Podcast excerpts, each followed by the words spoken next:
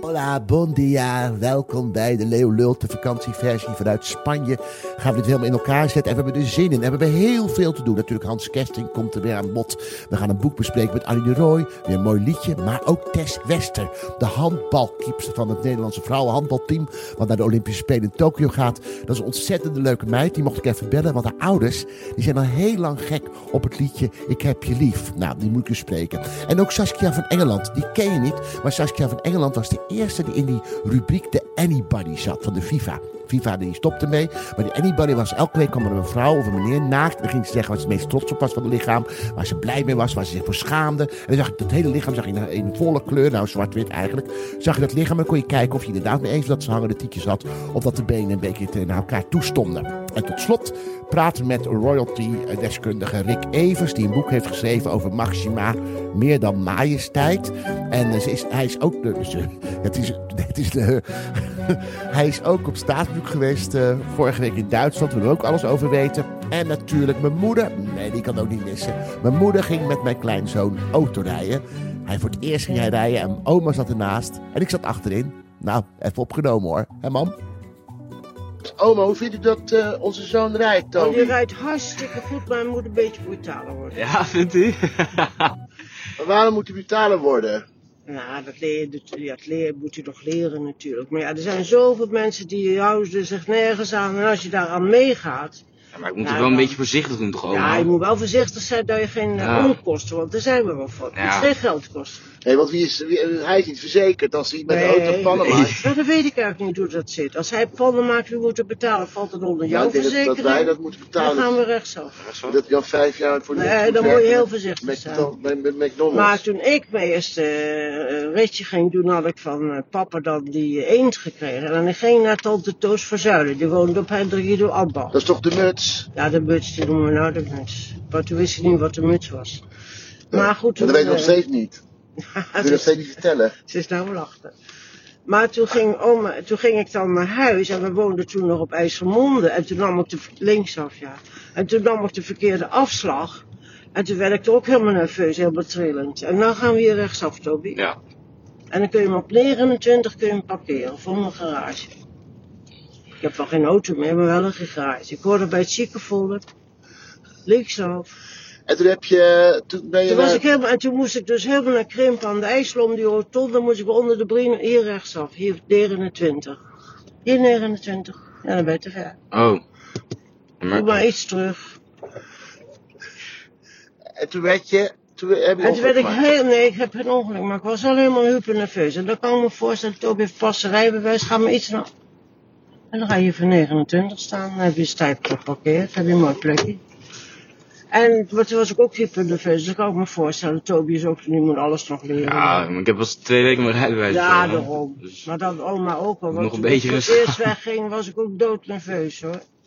Maar je was niet bang in de auto met, nu met, je, met je kleinzoon. Nee. Ik heb je veilig thuis gebracht, Toby dus, die eh, rijdt goed, ik ben weer ja. veilig thuis. Het was hartstikke gezellig. De jongens hebben me opgehaald bij de golf. Ja, dat is zeker gezellig, ja. drank erbij.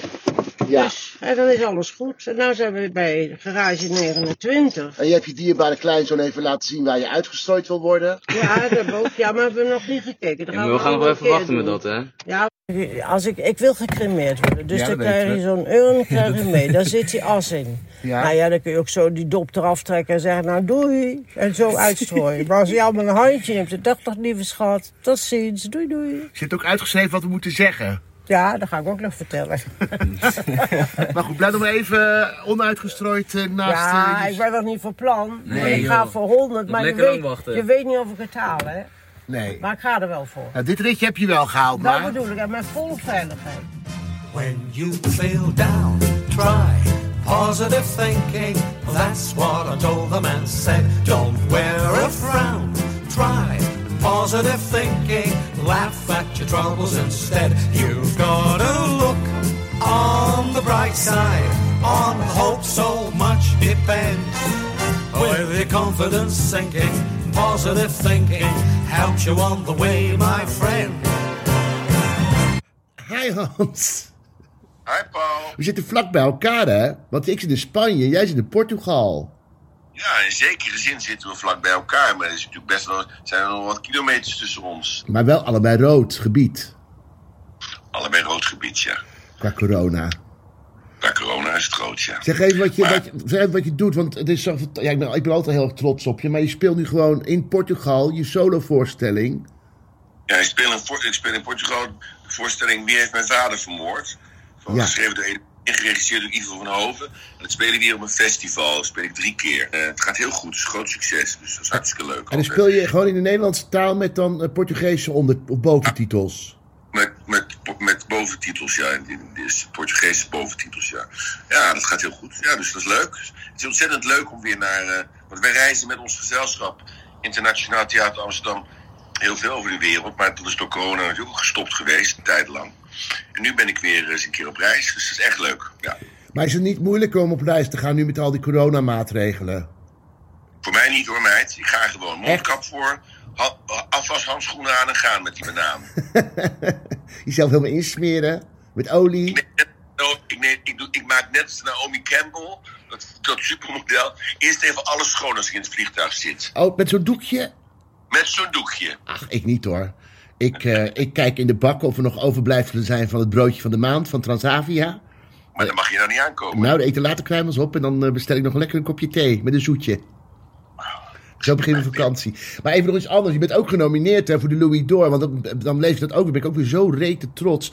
M- mensen thuis, hij is voor de vijfde keer genomineerd voor de Louis d'Or. Heeft hem al twee keer gewonnen. En als ik, ik, ik facetime met hem, hè, want dat heb je, dan zie ik zijn trotse gezichtje. Denk ik, ja, het is toch echt de Ko van Dijk van deze tijd het worden hoor.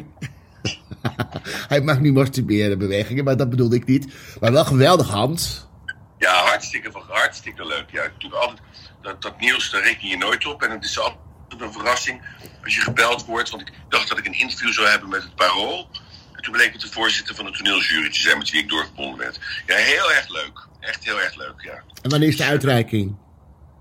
Ehm, op zaterdag 11 september, geloof ik, is het ja. Zaterdag leuk. 11 september.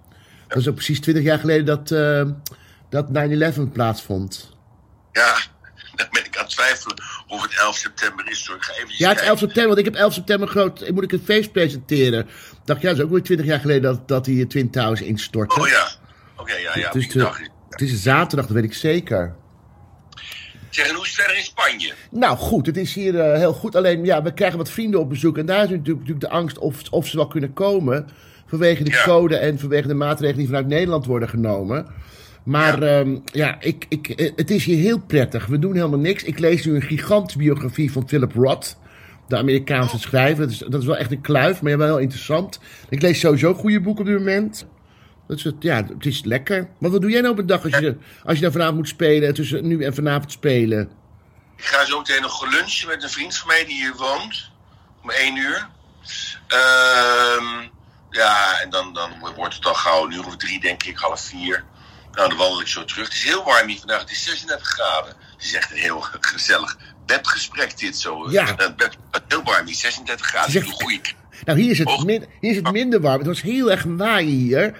Eh, en nu Oh. begint ook weer minder, het begint ook weer een beetje te waaien. Terwijl de zon maar niet door wil, door wil breken hier. Ja, maar wat is de wereld toch... Wat gebeurt er toch allemaal in de Ja, wereld, is hè, klima, klimaatchange, hè? Klimaatchange. Maar dan ga ik dus vanmiddag even terugwandelen naar mijn hotel. Dan ga ik nog even liggen. En dan eh, om zeven uur hebben we de laatste voorstelling. En dan morgenochtend vroeg terug naar Nederland. Ja, en dan ga je weer op pad. Ga ik vrijdag eh, vlieg ik weer weg eh, naar mijn geliefde. Ja. Nou, en die, en die, woont niet, die woont niet om de hoek, mensen. Nee, die woont niet op de hoek. Die woont in een prachtig land. Dat ook zijn problemen kent. En het is niet Burma. Maar het begint met een B. Bangladesh. Bangladesh. Brazilië. Pardon? Het begint met een B en dan een R en dan klinkt het als Azilië. en Erik, het, eh, het, eh, het, eh, de, de, de, eh, fonds voor het, de regering, waar wij, dat Outbreak Management Team, van het Outbreak Management Team, moet ik 14, 14 weken in quarantaine als ik terugkom. Zal ik dan de prijs ontvangst nemen namens jou? Als je Ga jij. Doe dat maar. Win je ook eens wat. Nou, ik wens jou een ontzettend fijne dag, Hans. Dat is afgelopen. Ja, het zal, ja, ja. ga ik nu ophangen. Hè? Wat zei jij? Je had gezegd, je moet in het moment leven. wil ik zeggen, zullen we dan naar deze prachtige woorden van mij, die niet van mezelf zijn, maar die ik geleend heb van een Indiaanse wijsgeer, zullen we dan met deze woorden dit gesprek beëindigen? Dat we in het moment moeten leven. Ja, dat vind ik heel mooi. En wat ik dan nu ga doen, dan ga ik nu een gesprek houden met Rick Evers. Dat is een, dat? dat is een royalty watcher. Oh, leuk. En die heeft een boek geschreven over Maxima, meer dan majesteit. Heel leuk. Het zal je verbazen, maar ik heb Dirk Evers onlangs ontmoet. Dat meen je niet. Ja, En waar? ja, dat is iets waar ik niks over kan zeggen. Wat was het leuk? Ja, ik had niet zoveel direct met hem te doen. Hij, hij liep wat meer rond opnames te maken. Ik herkende Rick meteen als, als, eh, ik zeggen als horeca-correspondent. Als royalty-correspondent, ja. Hoezo? Ja, dus hij, heeft, eh, hij heeft dat royalty-achtige. Ja, vind ik ook. Parelwitte lach. Van die schrandere, op royalty, nieuw- royalty, nieuw- royalty nieuw- nieuws uitgesneden ogen. Licht geappeerde stem. Homo natuurlijk. Ja, kijk, die Rick Evers, die heb ik ontmoet ergens. En ik vond hem echt een leuke jongen, aardige jongen. Maar toen ik de streamers deed bij het Koninklijk Huis, wat grote concertweek met al die artiesten. Ja. Toen was er een persmoment. Daar konden dus de, alle, alle journalisten die er waren, Hart van Nederland en Shownieuws en RTL Boulevard en Q-Music, mochten allemaal met de artiesten praten als ze dat wilden. Dus we stonden allemaal op ons plekje, coronaproof, anderhalve meter afstand. En al die journalisten kwamen op iedereen af, behalve op mij. Niemand wilde met mij praten, behalve Rick Evers.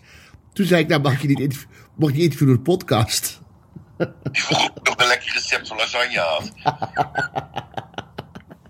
Nee, die zei, eh, dat was echt een beetje, dan zie je ook een beetje dat je tijd voorbij is. Iedereen die dook op Freek en Suzanne en op, eh op Kraantje Papi en op, eh, en op Danny, Danny Vera. En, en ik stond maar te wachten op dingen die nooit gingen komen. Ja, maar ik heb wel gehoord dat de koning wel met jou speciaal met jou gesproken Ja, heeft. nou dat was toch hartstikke leuk ook hoor. Die was, Wil je herhalen wat hij zei? nou ja, dat wij, Rijden als je bent, doe je liever het zwijgen daartoe. nee, ik wil het wel zeggen, want het is wel grappig. Je hebt dat- mij verteld en ik, en ik was weer plaatsvervanger trots op jou. Ook omdat het zo leuk was hoe het ging. Ja, het ging, hij kwam, hij kwam, ja, ik, ik mag, ja, ja, natuurlijk mag ik het zeggen. Het was namelijk zo, eh, we hadden een goed gesprek, ook met iedereen, hè, dus hij gaat naar iedereen toe. voordat je verder gaat. Ik wil even tegen de zeggen dat jij dus echt, echt ook wel heel bescheiden bent. Je bent niet, niet iemand die zich per se op de voorgrond dringt bij dat soort eh Nee. Gebeurtenissen. Ik bedoel, dat, we- dat denken waarschijnlijk mensen wel, maar dat is niet zo. Nou, toen gebeurde dit. Nou ja, uiteindelijk moest ik weg, want ik moest eh, de smink in. En, en hij bleef langer dan verwacht. En eh, toen zei ik, nou, zei, ik, ik zeg u even goeiedag, of koning, zei ik. Zei ja, maar wij kennen elkaar al heel lang. Waar iedereen bij stond, zei Ja, iedereen bij, ja, heel veel. Ik zei, nou ja, we kennen elkaar wel. Ja, nou. Hij zei, ja, want jij hebt bij ons de ontgroening gedaan. Op zijn af- afstuderen, of het, eh, de laatste schooldag van zijn broer. Constantijn. En dat bleek hij ook te zijn. En daar heb ik toen opgetreden. Of ik een soort presentator, of ik zong het, of deed rare dingetjes. En daar, de- eh, voor die hele groep die af, die dus eh, examen had gedaan. En eh, toen zei ik, ja, dat klopt. Dat heb ik inderdaad gedaan, dat u dat nog weet. Hij zei, ja, want toen zijn we die, later die week zijn we naar een theatervoorstelling geweest... in het Paard van Troje in Den Haag. En dat weet ik ook nog heel goed, omdat de voorstelling later begon... maar ik wist niet waarom. We zouden om negen uur beginnen, maar het was opeens half tien, kwart voor tien. En toen achteraf hoorde ik, toen waren ze lang weg... dat die drie broers waren geweest van het Koninklijk Huis. Maar ja, ik heb dat nog nooit gezegd tegen niemand. Dus ik heb zelfs, mijn man wist het niet... Dus ik zei ook, ja, ik heb dat nooit verteld, omdat ik het zo, ja, pochen vond. Maar dat, hij, dat hij het zich nog kon herinneren, vond ik heel erg grappig. Ja, omdat je je mond weet te houden. Maar ik vind het fijn dat je het nu verteld hebt. Ik hoop ook dat het in de podcast blijft. Dat hij niet tegen eh, Frank Lammers of Guus Meeuwis of, laten we zeggen, de beste zangers van het land begon te praten. Tegen jou. Een oude, vertrouwde volkskomiek. Een tv-presentator met een rijk verleden. Die zo prijs heeft gewonnen.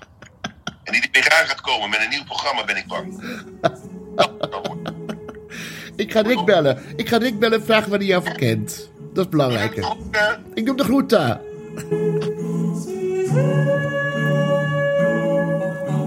Buenos dias. Nou, goedemorgen. Goedemorgen. Buenos dias, Rick. Kom Ja, moet je bien et tú. Eh, ook. Hoezo? Waarom twijfel je? Wat, eh, ook, ja. ehm También. Aussi is in het Frans. También. Oh ja, yo también. Yo también, Sí. ja. Maar goed, je komt natuurlijk net van staatsbezoek uit Duitsland. Dus het is even schakelen Ja. van Spaans naar Duits en Duits naar Spaans. We kunnen beter in het Spaans doen. eh, in het Duits doen inderdaad Ja. nu, want ik ben helemaal weer eh, gewend aan uh, Deutsche Sprache. Ja, ik, ik- dacht dat ik dat inmiddels wel verleerd was. Dat sollte eh, Ihnen die vanzelf. Grüße, ich sollte Ihnen die Grüße machen door von der Hans Kesting. Ah, natürlich! Ja, die haben Sie der Hand. begegnet. Ja. Die haben Sie begne- begegnet letzte Woche. ja, das stimmt ja. Das war auf einem äh, kleinen Palast in Amsterdam. Ja. Das war sehr, äh, sehr besonders. Und da sah, also er hat mir gesagt, dass es war, es war, es war ein, ein Geheimnis. So, er, er sollte er nicht über, äh, über erzählen. Ja, dat klopt. Hey Rick, wat, wat wist je eerder van jezelf? Dat je royalty ehm, eh, verslaggever wilde worden of dat je homoseksueel was? ik wist zeker van mezelf eerder dat ik homo was. Maar dat, ja, dat, koninklijke, daar had ik eigenlijk helemaal niks mee. Ehm, het was eigenlijk meer... Ik groeide op als een katholiek jongetje. Eh, ik ging heel graag met mijn opa en oma stiekem op zondag naar de kerk. Dan, hoopte ik dat, ik dat ik mocht logeren in het weekend bij opa en oma. Dan kon ik mee naar de kerk. En dat had dan ook iets magisch. Met allerlei rituelen. Met dat wierook en gedoe. En zo'n zo'n kerkkoor en groots. En ik ben ook eh misdienaar geweest. Maar, Ook misbruikt? ehm, Nee, ik ben niet misbruikt. Nee, maar dat hebben we dat gelijk boven tafel. Waar, waar, waar was je misdienaar? Bij, bij, wel- bij welke kerk? Eh, de Sint-Servatiuskerk in Erp, waar ik eh, geboren en getogen ben eigenlijk. En, ehm, maar ja, eh, uiteindelijk ga je weg uit dat dorp. En dan is er nog zoiets anders. En dat is Sinterklaas. Daar had ik ook altijd een rare voorliefde voor. Ver na de respectabele leeftijd dat je erin mocht geloven. Ja, Bram van der Vlucht, dat tv-gedoe allemaal, dat, dat was ook iets magisch. En ik denk dat al die dingen voor mij een beetje bij elkaar zijn het gekomen. Koningshuis. In het Koningshuis, ja. De baard, de baard van Beatrix. Ja, maar dat, eh, dat knip je er maar uit. Ja, dat nee, dat doen we niet. Maar ehm, eh, nee, dat is een stapje snel gemaakt. Maar heb je, heb, je, heb je wel journalistiek gestudeerd of eh, iets anders? Ja, ik heb wel journalistiek gestudeerd, maar ik heb het niet afgemaakt. En ik dacht eigenlijk, ehm, ja, het, het, was, het was een beetje een kinderachtige opleiding eigenlijk. En, Kinderachtig? De, op- de opleiding kinderachtig? Ja, het was, een- we werden een beetje behandeld als kinderen. En ik was, eh, ik was, ja, ik was daar niet, eh, ik had er geen zin in. En ik werkte ondertussen ook in een hotel en dan had ik het prima naar mijn zin. Ehm, en op een gegeven moment raakte ik via Twitter aan de praat met Mark van der Linden. Die zag mijn website, er stond een verhaal op. En die vroeg, wil je voor mij eh, een verhaal schrijven? En uiteindelijk ben ik zo dus bij zijn tijdschrift beland. En dat is nu eh, bijna twaalf jaar geleden volgens mij. Nou, en het heeft nu geresulteerd in een prachtig boek. Ik heb echt van genoten, jongen. Eh, Maxima dankjewel. meer dan majesteit. De uitgever was ook heel enthousiast. Dus, eh, En zijn de lezers even enthousiast? Verkoopt het een beetje? Ja, ja, er is een tweede druk. Dus Nou, dat, kijk, daar dan- ben ik ook heel blij mee. Dan mag ja. je door. Nou, wat ik zo Het lekker is- ja. Je, je, schrijft ja. heel erg, je schrijft heel erg makkelijk. Maar ja, het is ook de combinatie van alle foto's en de, op, de, de, nou, de inhoud. Het is gewoon ontzettend prettig lezen. En wat heeft die vrouw toch een rijk leven? Ja, het grappige is, het, het is niet een standaard mensen. boek, zeg maar. Het is, het is en leuk, zeg maar, voor de fans, plaatjes kijken, voor, voor oma, en voor je moeder misschien. Lekker plaatjes kijken, maar het heeft ook inhoud. En dat vond het NRC dus blijkbaar heel erg lastig. Die zeiden in zo'n podcast, eh, ja, dit heeft al heel veel foto's voor een goed boek, zoiets zeiden ze. Ja, maar dat Dus het juist is lekker leuk. in hokjes gedacht. Ja, maar goed, dat is gewoon. eh, Dat, ja, dat, dat heb je gewoon als je misdienaar bent, word je gewoon in hokjes gedouwd of eh, in hokjes gedacht. ja. Ehm, nou heb je vorige week natuurlijk eh, na lange tijd weer een echte staatsbezoek meegemaakt in Duitsland. Dat, was, dat had natuurlijk een, zwart, een enorme zwarte rand door de aanslag op Peter R. de Vries. Ehm, maar hoe, eh, vliegen jullie nou hetzelfde vliegtuig met z'n allen of moet je er achteraan? De koning heeft, eh, nou, de koning niet, de regering heeft een paar jaar geleden een nieuw regeringsvliegtuig gekregen. Zo'n mooie Boeing eh 737. 737. Eh, maar er zijn niet genoeg stoelen in. Dus wij mogen niet meevliegen. Dus wij moeten gewoon alles zelf regelen. Zelf de vlucht boeken. Eh, vaak krijg ik het ook pas een maand of een paar weken van tevoren pas te horen. Eh, in welk hotel we moeten zitten. Want het is natuurlijk het makkelijkst als dan ze de ambassade één busje kan sturen. Het is, het is net een soort van schoolreisje eigenlijk. Het is, eh, Kinderachtig journalistiek dus. eh, nee, nee, het is, het, van de ene kant denk je, dat is wel heel erg propaganda. Want we worden eigenlijk namens de koning in een busje gepropt en van A naar B waar hij wil dat wij naartoe gaan. Eh, en dan onze taak om daar een journalistiek... Ja, en heb je dan, eh, dan heb je dus één, één persmeeting echt hè, met de koning en de koningin. Dat ging natuurlijk in combinatie nu met eh, het, het, het commentaar op de aanslag op Peter R. de Vries. Eh, we, we hebben dit eerder opgenomen, dus wanneer dit uitgezonden wordt, weet ik helemaal niet hoe de toestand is voor Peter R. de Vries. Dus hij vecht dan, nu wij aan het praten zijn, ligt hij nog steeds in het ziekenhuis en vecht hij voor zijn leven. Maar het, eh, we Dat, was, dat was heel bijzonder, want het was tijdens het concert dat de koning en de koningin aan de Duitse bondspresident gaven. Dus eh, dan kwam het concertgebouworkest vanuit Nederland daar naartoe. En ineens zag je eh, in het publiek toch heel veel mensen naar hun eh, mobieltjes kijken. Van er is iets aan de hand. De koning vertelde dat, het, eh, dat hij pas na het concert heeft gehoord. Ja, die kan natuurlijk niet naar zijn telefoon gaan kijken tussendoor. Ehm, maar eh, de RVD heeft s'avonds laat hebben ze ons een berichtje gestuurd. Eh, het programma is gewijzigd. Jullie gaan morgen met z'n allen, s ochtends vroeg, meteen naar het hotel van de koning. Ja, dan weet je al hoe laat het is. Dan, dan weet je dat de koning een statement wil geven over wat er gebeurd is.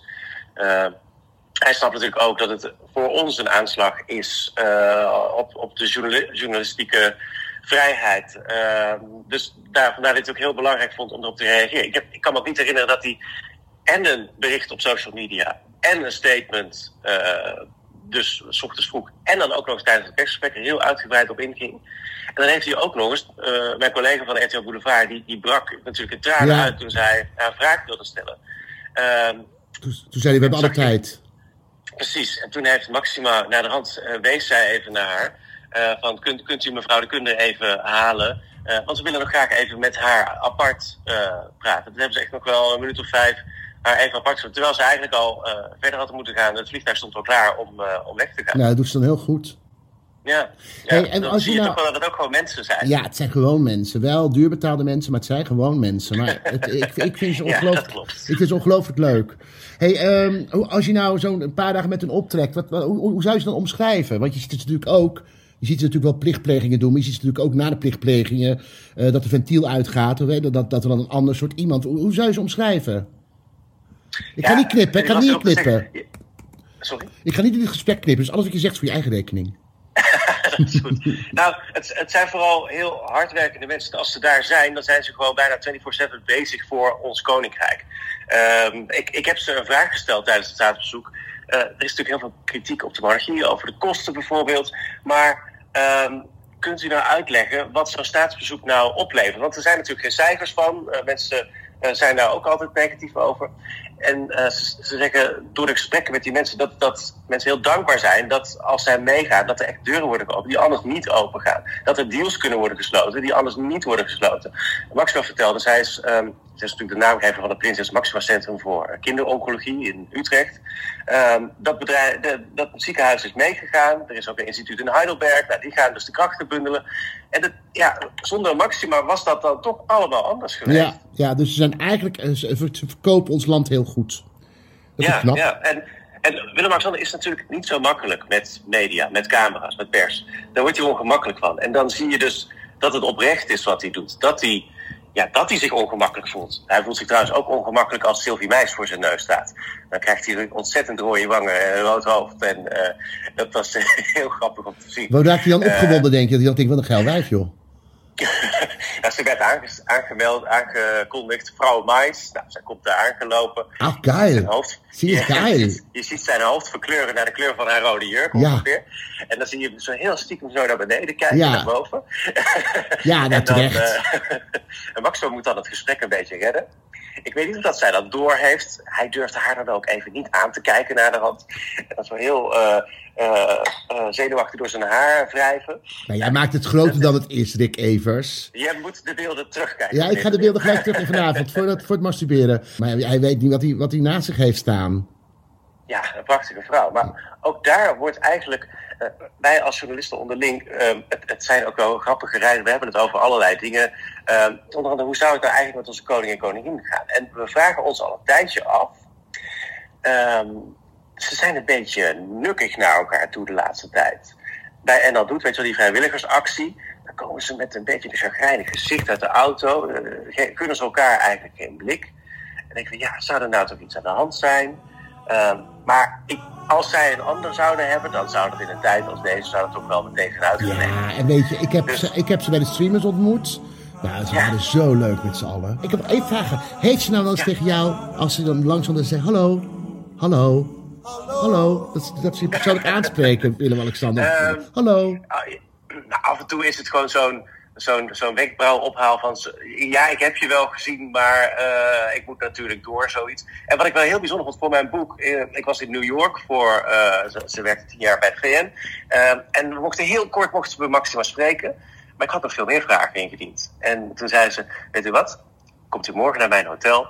En dan doen we de rest van de vragen. Dat vond ik wel heel erg bijzonder. En die volgende ochtend dus daar geweest. Dat was natuurlijk niet in haar hotelkamer. Het was gewoon in een, in een keurig zaaltje.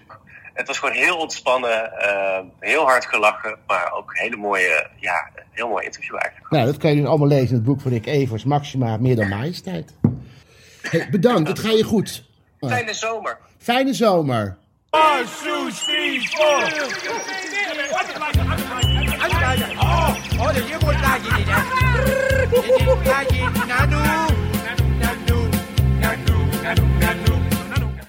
Dag lieve luisteraars, u spreekt met Annie van de rubriek Ik heb al een boek. Zit op het toilet, want eh, ja, Bob heeft liever niet meer dat ik boeken bespreek waar hij zelf bij is. Dus ik, maar, ik wil een boek bespreken wat echt niet ongelezen kan zijn worden in deze zomer. Natuurlijk het boek van Johan Derksen door Michel van Egmond en Antoinette, Antoinette, Antoinette, Antoinette. Het boek is over Johan Derksen. En eh, ja, ik vind het een heel fijn boek om te lezen. Eigenlijk doet Mi- Michel van Egmond doet een beetje opschrijven over wat hij allemaal heeft gedaan en zo. En bij VI natuurlijk. En Antoinette, Antoinette, heeft dan de interviews met Johan Derksen. En er komen heel veel anekdotes voorbij. Over het leven van hem.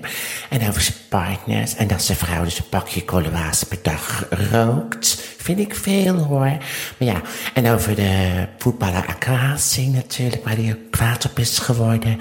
En Aquasi ook weer op hem. En dat hij met zijn vrouw een supergroot bed heeft gekocht. Niet omdat ze dan dwars op elkaar kunnen liggen, maar dat de hond er dan ook bij kan. Dus het ligt al, en daarom hebben ze ook geen seks, omdat de hond steeds kijkt. Dat zou ik ook niet leuk vinden. hè. Ik vind dat vervelend als de buurvrouw moet kijken. Annie, Eh, ja, Bob. wat ben je aan het doen? Ja, Oh, wat zie ik daar? en een gulzige godje. Nou, een groter godje, het is meer een eh, spookhuis, mijn god. Ik zie daar een boek. Ja, een boek, ja. En wat heb ik gezegd over boeken? We horen die.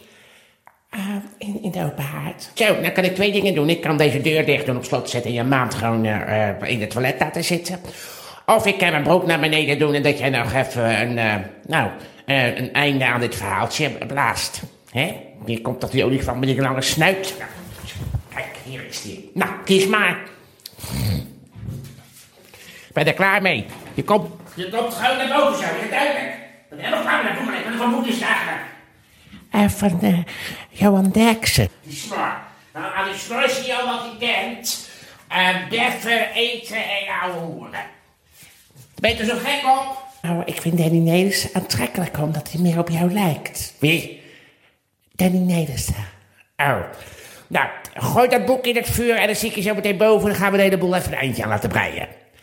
Eh, ja, ja.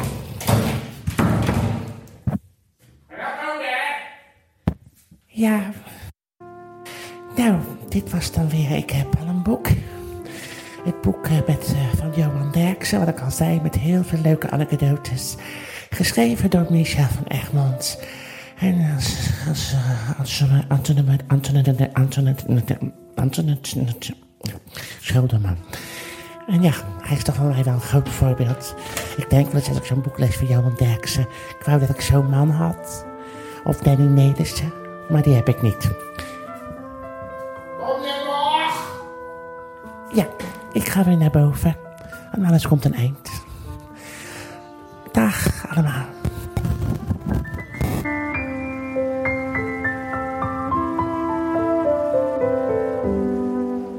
Ja, er was een schok in, eh, in Medialand dat de FIFA, het blad waar wij mee meisjes zijn opgegroeid, eh, opeens ermee ging stoppen. Want ik weet wel, dat ik heb in de FIFA dingen geleerd over orgasmes bij meisjes, wat ik allemaal niet wist. Ik zat heel erg in de EPO. Maar de FIFA gaat stoppen en de meest populaire rubriek waar we altijd naar uitkeken was natuurlijk de Anybody. En daar heeft hebben heel veel mensen aan meegedaan. Maar de allereerste, die heb ik nu aan de telefoon houden, Saskia van Engeland. Hallo Saskia. Zeg, hoe lang geleden was dat dat jij als eerste, als eerste model in de Anybody, dat heette toen nog eh, eh, eh, Body Talk, hè? Het, het, het Ja. rubriek. Hoe lang geleden was dat? Dat had ik me ook niet gerealiseerd, maar inderdaad, in de eerste week of maanden heette het de rubriek eh, heette Body Talk. En dat is eh 30 jaar geleden. Nou, ik kijk naar je op FaceTime, maar zo zie je er helemaal niet uit. Weet je wat het is? Ik, eh, ik heb heel veel geluk. Ik, heb, ik ben een beetje het omgekeerde lelijke eendjesprookje in mijn beleving. 30 jaar geleden was je lelijk eentje en nu ben je uitgegroeid tot een hele mooie, zelfstandige, eh, zelfverzekerde zwaan. Ja, Ja, want ik heb, dat heb ik een beetje gevolgd. Want kijk, het kan me ook voorstellen, dat als je dan 30 jaar geleden wordt gevraagd, ben je natuurlijk in de 20. Eh, Ja. En dan kijk je natuurlijk heel anders naar je lichaam dan nu, eh, nu je 30 jaar verder bent. ik moet eerlijk zeggen, ik was heel erg onzeker over mijn lichaam. Ik vond mezelf heel erg grof en groot. En ja, nou ja, weet je wel, waar een heleboel vrouwen en waarschijnlijk Ook mannen. last van hebben. Van dat irreële idee van hoe je eruit moet zien. En waarom heb je meegedaan?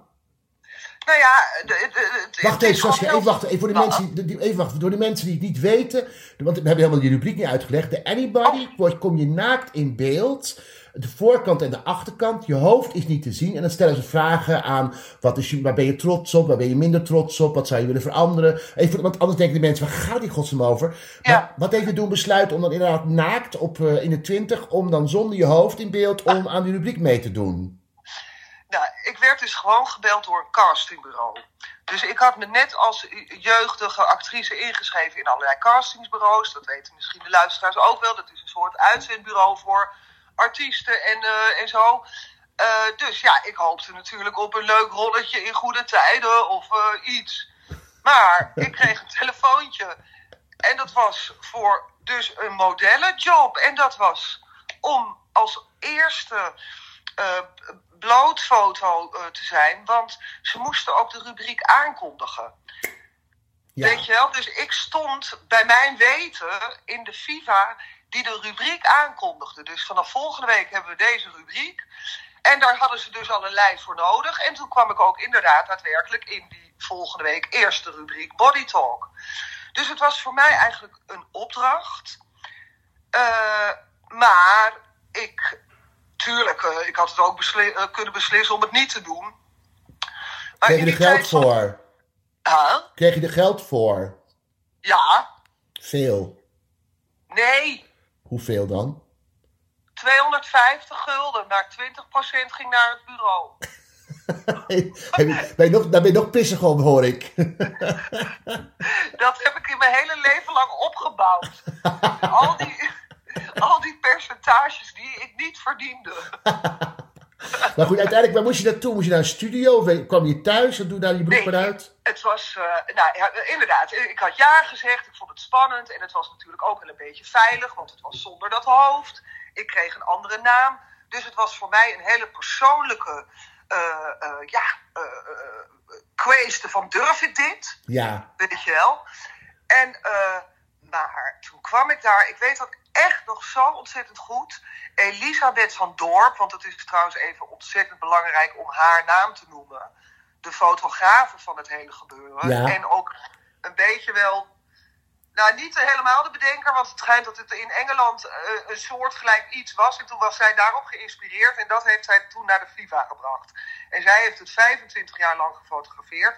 Elisabeth van Dorp, ik kan het niet vaak genoeg zeggen. Maar die ontving haar, oh, of ons, in haar huis. Er waren er meer. Huh? Er waren er, waren er meer. Huh? Nee, ik zeg ze omdat ik soms misschien een megalomaan idee op mezelf heb. Nee hoor, ik stond daar heel erg met bi- bibberende knietjes aan te bellen op dat enorme grote grachtenpand op de Keizersgracht. Dat dan wel weer. En dat is toch altijd imponerend. Die panden zijn daar ook ooit voor gebouwd. Ja, to the point. To the point. Je ging naar binnen en toen. Oh, sorry. Die, die panden interesseert me geen reet. Het gaat om dat, dat je voor het eerst naakt moet. Dat lijkt me zo erg. De ontvangst was zo ontzettend lief. Met alleen maar, er was een vrouwelijke journaliste, een vrouw, een fotograaf dus. En een vrouw die een beetje nog de boel ging poederen. Waardoor ik nog wel, eh, ja, wat iets zekerder Dat je niet, glim, dat je niet glimde. Ik glom. Niet. Want ze ging poederen. Natuurlijk Nou ja, maar dat vond ik wel even extra Ja. eh, fijn. Dat begrijp ik ook, want dan is het niet alleen maar de foto, maar ook echt dat ze echt proberen een beetje er ook aandacht aan te besteden. Ja, en, en dat gevoel, dat was echt het eh, cliché warm bad. Ze waren zo verschrikkelijk lief en het... Nee, ik, ik, totaal geen gêne meer. Nee, maar goed, dan sta je daar eh, eh, bloot en gaan ze dan tegelijkertijd vragen stellen van eh, waar, waar ben je het meest trots op? Nee. Oh, Eerst, ik weet niet wat er eerst was, volgens mij eerst inderdaad de fotoshoot, omdat dat dan toch het spannendste is voor iedereen. ja, dan koffie met een tompoes. Een Een ra- romige tompoes. En dan gaan ze vragen stellen. Vragen, inderdaad. Van, goh, ja. Maar in mijn beleving was het, het was, ik was volgens mij ook echt weer in anderhalf uur weer weg, of een uur of zo. Ja, dat begrijp ik ook wel, want je maakt twee foto's en langer dan een uur kan je toch niet kletsen over je lichaam waar je meer trots op bent of niet trots op bent wat je zou willen veranderen. Ja, het kan Nou, misschien wel, wel. hoor. Maar waar was je, waar was je, toen, je toen je dus 30 jaar geleden werd gefotografeerd, waar was je het meest trots op? Nou, dat is een antwoord wat echt alles zegt. Ik zei, ik, was, eh, ik ben het meest trots met mijn handen. Was dat toen zo, dacht je? Omdat dat het meest veilige, eh, het meest veilige lichaamsdeel was. Want ik was verder nergens trots op. Nee. En, en, en mijn handen, die hadden altijd nog wel iets. Ooit mijn moeder me altijd pianovingers hebben. En dat heb ik op de een of andere manier onthouden of zo. Ja. Maar ik vond niks aan mijn lichaam mooi. En 30 jaar later, wat, waar ben je dan nu het meest trots op? Behalve mijn handen op alles. Ja, ben je, heb je dus gewoon je hele lichaam geaccepteerd? Ja. Daar, heeft het natuurlijk mee te maken. Ja. Ja. En, en wat voor opzicht dan? Nou ja, A eh, is het dat ik per ongeluk de mate heb waar de meeste mensen van dromen. Ja, hè? Dat noemen wij capsones. Maar het is eigenlijk mijn persoonlijke grap in mijn leven. Dat ik zonder er echt heel veel dingen voor te hebben gedaan. Per ongeluk op mijn 53ste een lijf heb waarvan ik wist. of waar- waarvan ik had gehoopt. dat ik dat wist op mijn 23ste. Ja, ja, maar dat is heel Zo. vaak. Dat is heel vaak. Maar goed, Dat natuurlijk komt ook door het leven. Door de dingen die je hebt gedaan. En eh, dan wordt het opeens je lichaam... Ja, je- Je hebt mensen ziek zien worden, je hebt mensen ver- verloren. Eh, ik werk met iemand bijvoorbeeld die een hele wonderlijke eh, verhouding met haar lijf heeft. Want dat is een gehandicapte vrouw en die heeft een lijf die, waar ze helemaal geen controle over heeft. och. En die verzorg jij? Ja, ik ben in een team en eh, ik ben een van de PA's. En ja, dus sinds een paar jaar maak ik eh, wekelijks een lichaam mee. En hoe het is om een lichaam te hebben waar je, ja, waar je afschuw voor voelt. Of, eh, Zij zelf? dat- nee, ja, bij haar. Want, Ja. Nee, ik niet. Dat, dat zij, dat- zij- ik heb ooit wel een keer een gesprek met gehad. Ze kan niet praten. Ze praat via het aantikken van letters. Ja. Want haar motorische gedeelte is totaal fucked up, zou ik maar even zeggen. Maar haar cognitieve gedeelte niet. Dus dat betekent dat zij alles volgt, maar zij heeft de, het uiterlijk van een idioot. Jo. Dus ja, dat is super heftig. Dus als je dat soort verhalen weet, en dat weet ook niet iedereen, niet iedereen maakt dat dagelijks mee, ik toevallig wel, ja, dat relativeert alles. Durf je dan ook aan haar te vragen waar ze dan het meest trots op is van de lichaam? Nou, het rare was, eh, een, een paar jaar geleden was er ergens een keer een programma over eh, eh, mensen, gehandicapten en hun lijf. En toen ging ik een gesprek met haar aan. Tijdens dat gesprek moest ik huilen, want haar antwoorden waren zo, zo heavy. Ze zei echt, ik haat mijn lijf. Weet je wel? En haten is nogal wat. Heftig, ja. Ik bedoel, we kunnen ontevreden zijn of denken, ah, put dit of put dat.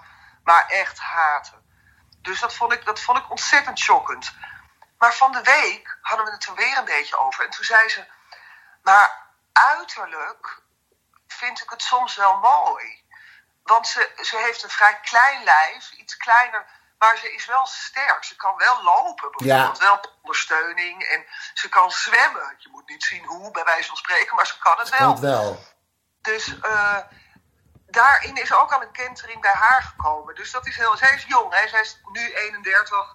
Eh, dus dat is fantastisch dat ook zij nog daarin stappen kan maken. Ja. Want het gaat allemaal over hoe je je eigen lijf zelf beoordeelt. Zeker, zeker. En natuurlijk, maar ook de schaamte dat hoe andere mensen over je, over je lijf eh, denken of oordelen. Op het moment dat je dat geaccepteerd hebt, en dat heeft, dat heeft met de tijd, gewoon met de tijd te maken.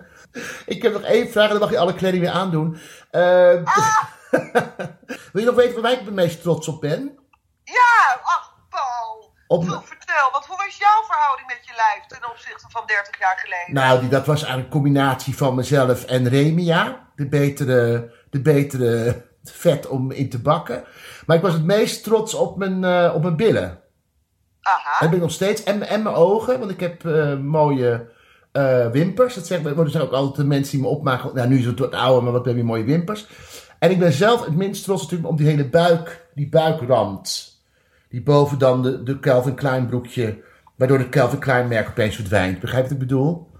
Ja, dat randje van het Calvin Klein broekje. Maar dat is ook een heel klein randje. Nee, het is een flinke rand die opeens totaal verdwijnt. Maar eh, ben jij, eh, heb jij stappen zelf nog gezet in, in zo'n hele periode? Van, kun jij duiden van, ja, dat heeft mij gebracht daar, waardoor ik het relativeer of accepteer. Of ik heb eigenlijk altijd wel mijn lijf geaccepteerd. Nee, nee, nee, maar eh, ik, ik vind, als ik nu foto's terugzie, vind ik mezelf leuker om te zien dan toen ik het dacht, toen ik het was. Dus ik Ja. denk, van, god, dat ik eigenlijk nog een leuke jongen. En ik had ook wel chance en ik had ook wel, ik had ook wel zelfvertrouwen. Maar goed, ik kon ook wel eens een hele avond om iemand heen dralen. Dat ik dan aan het einde van de avond toch alleen naar huis ging, omdat ik gewoon niet durfde. Ehm, en eh, daar heb ik ook wel dingen door gemist, omdat ik gewoon te verlegen was. Maar als ik nu terugkijk, ik ben natuurlijk nu eh, ook 30 jaar verder. eh, ja, denk ik van ja, ik heb het toch wel. Ik, ik, als ik terug zie die foto, ja, het is echt, het is echt een leuk, leuk, Ja. leuk lijf. Ja, leuk lijf, dat is eigenlijk wat het is. Een lekker, nee, lekker, een lekker lijf. Ja, ja. Maar kijk, dat soort toch wel weer in die woorden. Weet je, een lekker lijf, een gezellig lijf of een vrolijk lijf. Of een, maar eh, niet een strak afgetraind, eh, keihard. eh Nee, nee, want altijd, ik. Wat ik altijd met de laat of met mijn huidige man ook zeg, zeg waarom val je eigenlijk op mij? Toen zei hij naar, buiten dat er altijd elke dag wel iets te doen is. Het, het verveelt nooit. Maar het is ook, je hebt een, het is gewoon, je hebt een lekker lijf. Dus het is lekker, is het goede woord. Ja, en dat vind ik nog steeds eigenlijk. Ben jij nou nog steeds actrice? nou, ja. Ik ben gewoon nog altijd artiest gebleven. Maar ik ben totaal onbekend. Dus ja, Waar, waar moeten we jou van kennen? Waar kunnen we, kunnen we je binnenkort ergens zien? Eh, nou, niet echt op tv of wat dan ook, maar ik heb wel eens reclametjes gedaan. Maar wat ik geweldig leuk vind, en dat is ook een jubileum. 25 jaar geleden, in 1996, ben ik begonnen bij mijn allereerste en ook tevens laatste band. En wij hebben dit jaar ons mini-jubileumtoertje. Hoe heet jullie dan? Nou, ik zing in een band Freddy und die Düsenjäger. Wij zingen alleen maar Duitse salonpopmuziek Ja. een wonderlijk repertoire. Misschien is dat ook de verklaring van ons niet echt doorbreken. Maar we hebben wel eens op de parade gespeeld. Een beetje zo'n kleine, dingetje, eh, kleine dingetjes. En waar kunnen we dan- op Waar kunnen we je dan zien eh, qua mini-tournee? Nou, we beginnen op 21 juli in het mooiste kleine theatertje van Amsterdam. De Rode Bioscoop. Oh ja, het is ontzettend gezellig. Freddy und die Duizend, Duizendjäger. Düsenjäger. Oké, 21 juli jongens in de rode bioscoop. En anders moet je maar even naar de website gaan voor de speellijst. Super. En ze belooft alles aan te houden. Nou, Ontzettend leuk dat, je even aan, dat ik even kon spreken. Ja. En eh, ik wens je alle het beste. En tot over, eh, nou, misschien 30 jaar als de podcast bestaat, gaan we kijken hoe je lijf er dan bij hangt. Ja, precies.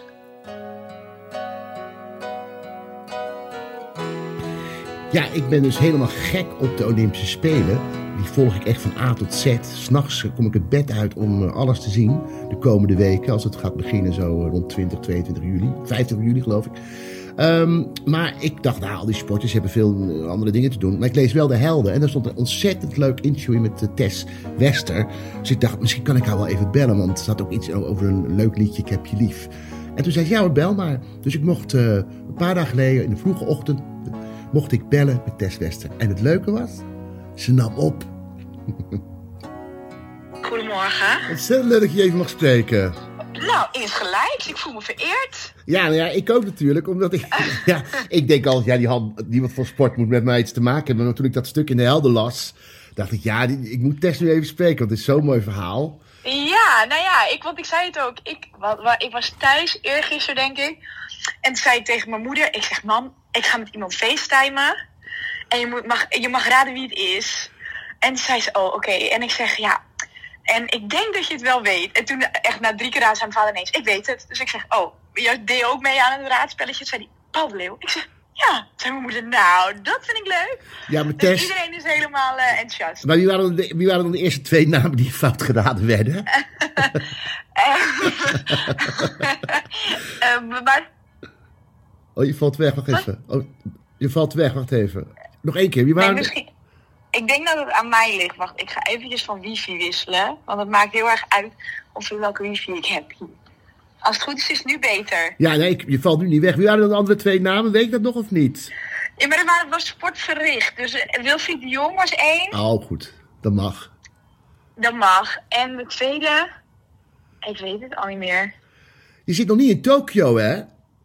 Nee, we vliegen morgen. Jeetje. En jij bent nu in, eh, in het buitenland of ben je thuis? Oh, je bent thuis. Je, Nee, ik ben... Ja, ik ben nu in Amsterdam.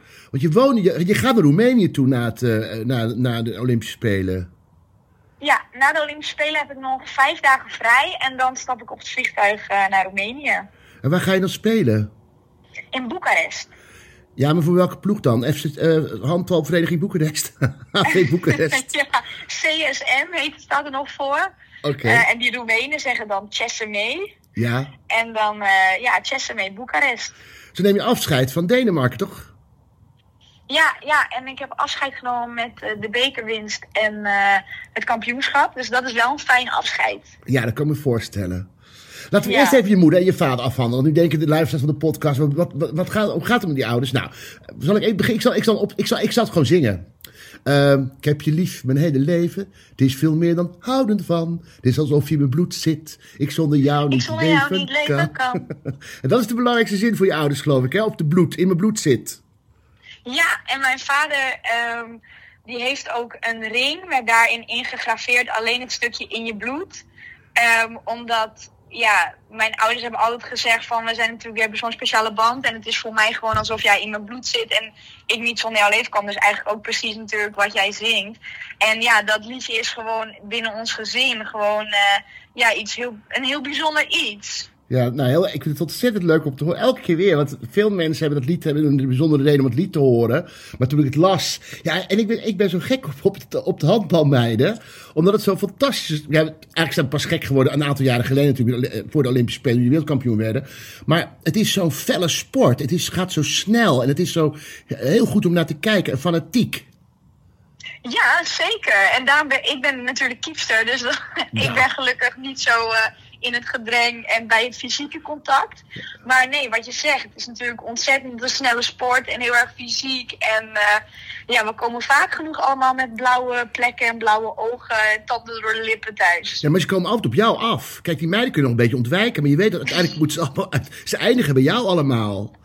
Ja, zij kunnen alles ontwijken en ik moet alles opvangen. Ja. En ik moet het ook nog eh, opzettelijk doen. Ja.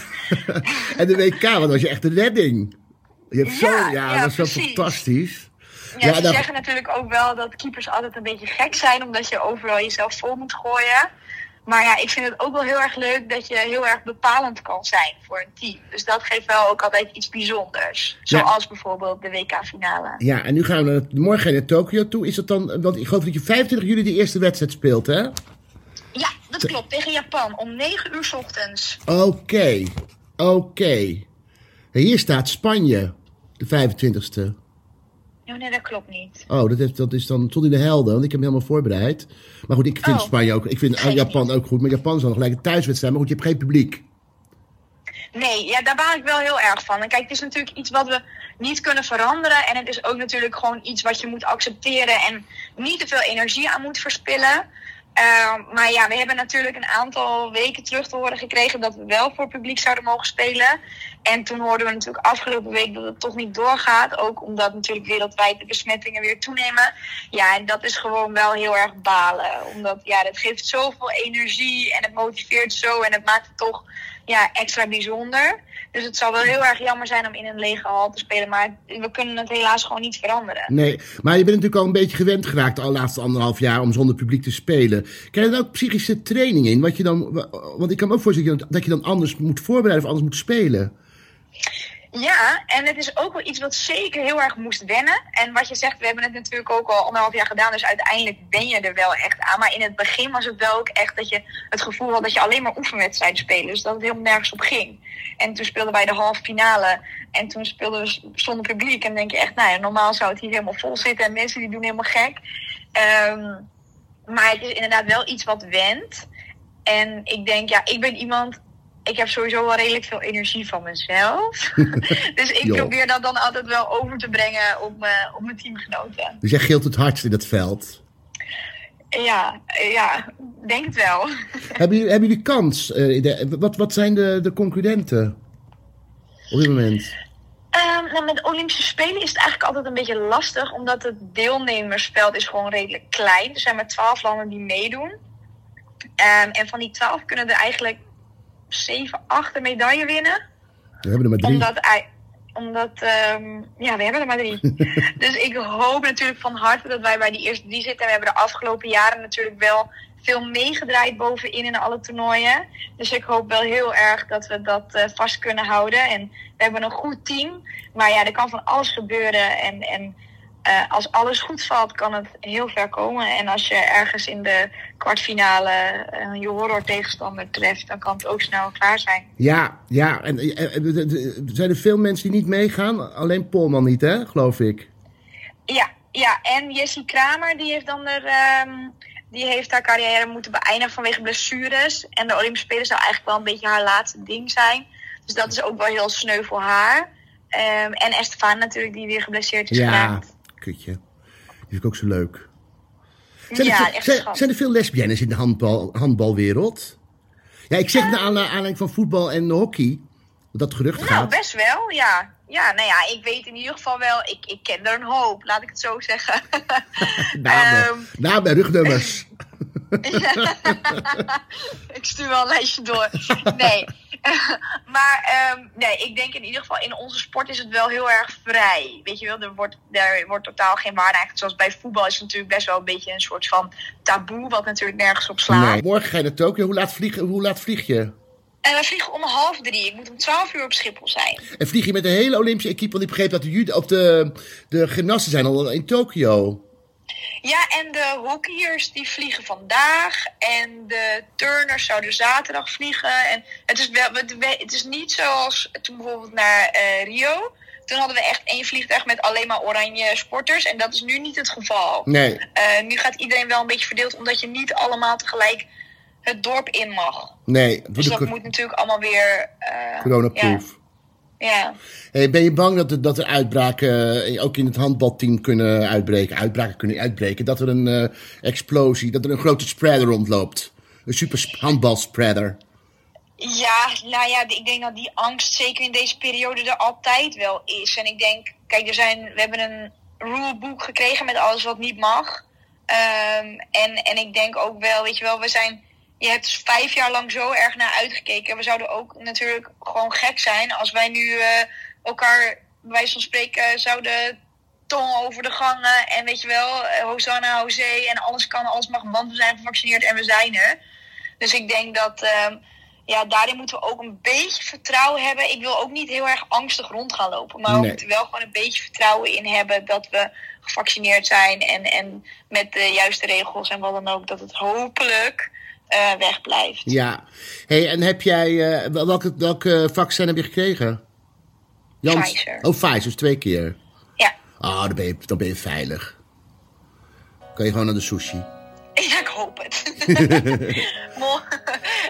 Masker eh, op en gaan. Ja, ik wens je ontzettend veel sterkte en ehm ga het nummer nu draaien. Voor je Oh, ouders. leuk. Ik weet niet of je zit te wachten op een vriendelijk woord van mij. Als ik jou oproep in gedachten, maakt me dat veel beetjes blij. Voel het als ik jou zie zitten, als ik je alleen maar ruik. Zit in honderdduizend vlinders, die zoet zweven in mijn buik. Ik heb je lief, mijn hele leven. Is veel meer dan houden van. Het is alsof je in mijn bloed zit. Ik zonder jou niet leven kan. Jouw mooie ogen doen me smelten. Zet me zo in vuur en vlam. Ik voel het enkel bij jouw aanblik. Ik krijg het ook van Rotterdam. Ik heb je lief. Ik heb je lief. Ik heb je lief. Wat moet ik zonder jou? Zijn vier hele kleine woordjes. En al maakt je dat een beetje bang. Ik heb je lief. Vierjarige tijden lang.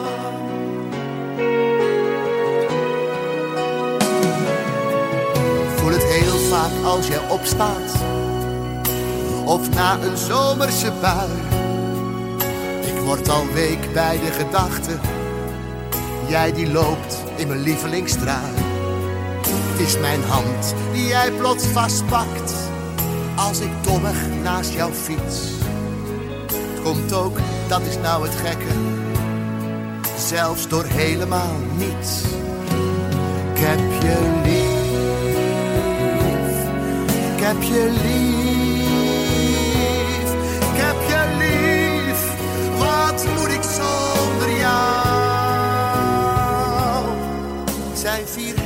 kleine woordjes. En al maakt je dat een beetje bang. Ik heb je lief, veertien bloemencorso's lang. Ik proef het tijdens ons zoenen. Of als je plotseling lacht. Ik zie het in vallende sterren. Na heftig vrijen in de nacht. Is die tinteling, dat briesje, maakt jou helemaal voor mij. Ik denk als ik jou zo zie lopen. God, er gaat een engeltje voorbij. Ik heb je lief, ik heb je lief. Ik heb je lief, wat moet ik zonder jou? Zijn vier hele kleine maakt je dat een beetje bang. Ik heb je lief, duizend